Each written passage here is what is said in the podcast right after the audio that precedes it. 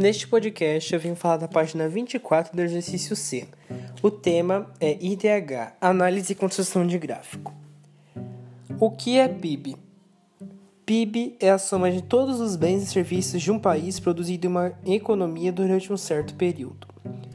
Como é calculado o PIB? É somado tudo e o resultado final é o PIB daquele país naquele ano, sendo que a cada ano tem um novo PIB. O que é PIB per capita? PIB per capita é a divisão do PIB pelo número de habitantes do país e indica quanto cada habitante produz em determinado período. Um país com grande PIB também tem um grande PIB per capita? Não, pois o PIB calcula a renda do país e o PIB per capita calcula a renda do país dividido por cada habitante, o que pode dar um resultado totalmente diferente. O que é IDH?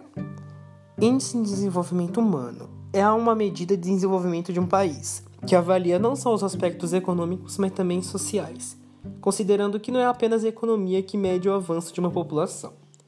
E como é calculado o IDH? O, IDH, o cálculo do IDH é efetuado a partir de três aspectos principais da população: renda, educação e saúde. Assim, quanto mais esses três aspectos apresentarem melhorias, melhor será o IDH da localidade em questão.